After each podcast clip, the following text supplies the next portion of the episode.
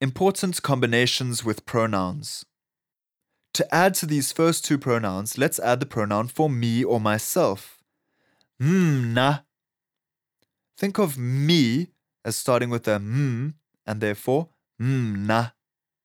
The Zulu equivalent would be mina, which again speaks to that slight variations between Zulu and Xhosa. Otherwise, Zulu also uses wena and yena. Okay, myself, I am trying.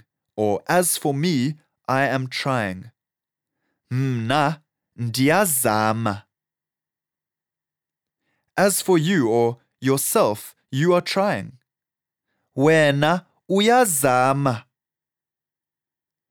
Himself or herself, or as for him or as for her, she is trying. Yena uyazama. Which can also be said with the mna or wena or yena afterwards, like this. As for me, I'm trying. Ndiyazama mna. As for you, you are trying. Uyazama wena. Maybe you can remember them like this me, you, him, or her.